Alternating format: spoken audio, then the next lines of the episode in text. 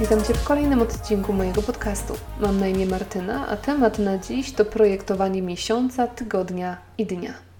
W poprzednim odcinku wspomniałam, że są trzy rzeczy, o których czuję, że muszę jeszcze powiedzieć w ramach wyznaczania i realizacji celów. Dzisiaj czas na drugą z nich, czyli właśnie projektowanie miesiąca, tygodnia i dnia. I teraz od razu lojalnie uprzedzam, to kompletnie nie jest nic odkrywczego. Właściwie jest to tak oczywiste, że aż trochę głupio mi jest o tym mówić. Ale mnie osobiście zrozumienie tego zajęło tak strasznie dużo czasu, że czuję się w obowiązku, żeby to przekazać dalej. Bo może jest gdzieś tam w świecie równie zagubiona osoba jak ja, która też ma z tym problem. Otóż ja od zawsze żyłam w przekonaniu, że istnieją na tym świecie określone reguły i pewne rzeczy trzeba robić wtedy, kiedy wszyscy je robią i tak jak wszyscy je robią, bo tylko tak jest dobrze. Praca od poniedziałku do piątku, najlepiej w godzinach 8.16 albo 9.17. Poranna pobudka, no między 6 a 8 to mus. Poniedziałek jest dniem po weekendzie, czyli jest rozpacz i żal. Piątek z kolei to ostatni dzień pracy, więc można się wyluzować. Na e-maile odpowiada się, kiedy przyjdą, spotyka się z klientami i ludźmi wtedy, kiedy im pasuje. Telefon odbiera się, kiedy dzwoni. Efektywnym trzeba być tak samo przez cały rok i w każdym tygodniu i tak dalej, i tak dalej. Być może był to tylko mój problem. I z ręką na sercu mam nadzieję, że to jest, że był raczej właśnie tylko mój problem.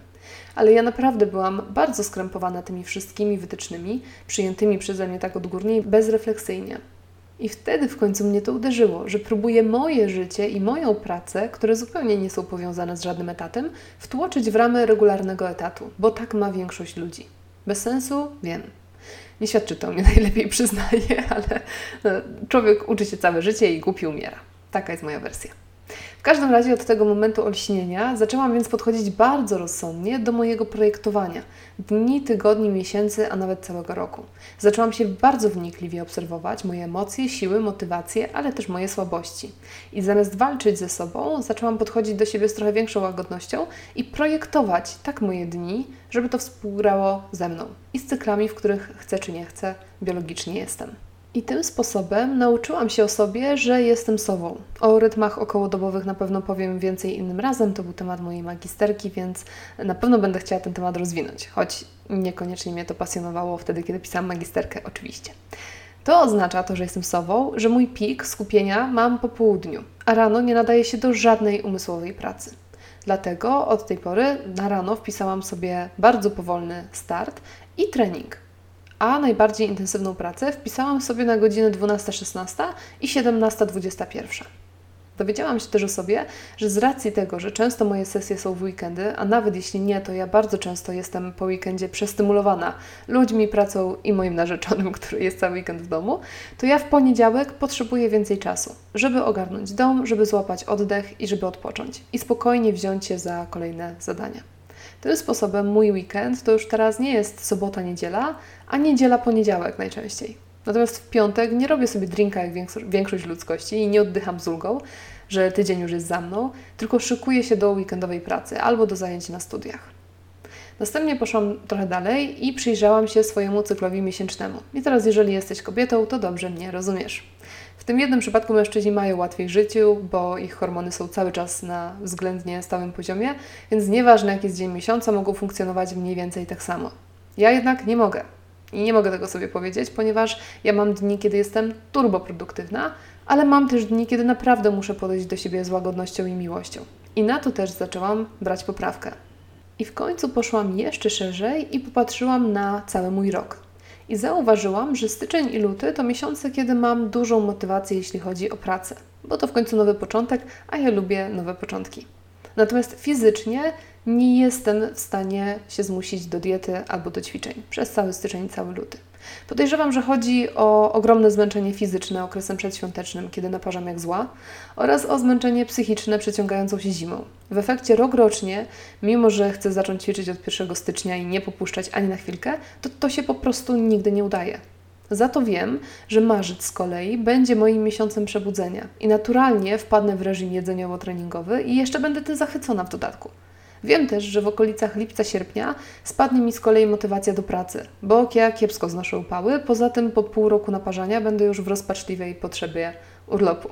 Dlatego na lipiec zwykle planuję sobie już teraz mój tydzień urodzinowy, w czasie którego robię nic i ładuję akumulatory. Wiem też na przykład, że na wiosnę coś zacznie pylić nie wiem co, ale coś, co mnie od 3-4 lat zaczęło uczulać i że mogę wtedy trochę cierpieć. Może nie rozwali mi to planu pracowego czy treningowego tak całkiem, ale może pogorszyć moje możliwości. Za to z kolei listopad jest moim miesiącem zaczynania nowych kreatywnych projektów. Od lat. Zawsze, jeżeli wpadałam na jakiś pomysł, to to się działo w listopadzie. Więc mogę się spodziewać, że i w tym roku pojawi się jakiś nowy pomysł, który przykuje moją uwagę. Tak więc, jak widzisz, dobra znajomość siebie pozwala mi tak projektować moje dni, tygodnie, miesiące i wręcz lata, że te wszystkie sytuacje nie zaburzają jakoś bardzo mojego życia.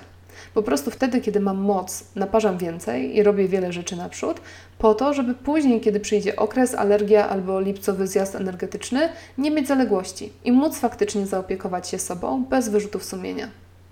Dlatego właśnie dzisiaj namawiam Cię gorąco do czego? Oczywiście do własnej autoanalizy. Przyjrzyj się sobie, przyjrzyj się swojej pracy, swoim możliwościom, swoim słabościom i spróbuj na tyle, na ile pozwala Twój styl życia czy praca, zaprojektować swój czas pod siebie i własne preferencje. I teraz oczywiście przy dzieciach będzie trudniej. Oczywiście w pracy na etacie będzie trudniej. Ja mam tą komfortową sytuację, że jeszcze dzieci nie mam i mam wolny zawód, zdaję sobie z tego sprawę. Niemniej wierzę, że nawet na etacie i nawet z rodziną można pewne rzeczy poukładać tak, żeby było łatwiej i bardziej efektywnie. I tutaj przyznam, że miałam nawet rzucić parę pomysłów na to, jak można to robić, natomiast stwierdzam, że nie jestem odpowiednią osobą do tego, ponieważ właśnie nie pracuję na etacie i nie mam dzieci. Więc nie chcę tutaj nagle rzucać świetnych i super pomocnych rad, co możesz zrobić, żeby mieć super dzień i tydzień i miesiąc i rok, jeżeli masz, nie wiem, jedno, dwoje, troje czy pięcioro dzieci, bo ja po prostu ich nie mam i ja nie wiem, jak to jest. Więc, żeby nie wychodzić przed szereg i żeby nie udawać, że jestem mądrzejsza niż jestem i bardziej doświadczona niż jestem, to pozwól, że w tym miejscu po prostu zakończę i zostawię Ciebie jako ekspertkę czy eksperta od własnego życia i dam Tobie wymyślić to, jak możesz udoskonalić swoje życie i ułożyć je bardziej pod siebie i bardziej zgodnie z Twoimi własnymi cyklami, z Twoimi własnymi preferencjami, z Twoimi własnymi możliwościami. Nikt tego nie zrobi lepiej niż Ty sam, czy Ty sama. I tym sposobem dziękuję Ci bardzo za dzisiaj. Dziękuję Ci za wysłuchanie tego odcinka. Przed nami jeszcze tylko jeden odcinek dotyczący wyznaczania celów i tworzenia realnego planu działania, a później już przejdziemy do bardziej lifestyle'owych rzeczy i pojawi się też coś dla twórców i artystów. Więc myślę, że będzie ciekawie, będzie to coś troszkę innego niż dotychczas. Tak więc raz jeszcze dziękuję Ci serdecznie za dzisiaj. Do usłyszenia już niebawem. Cześć!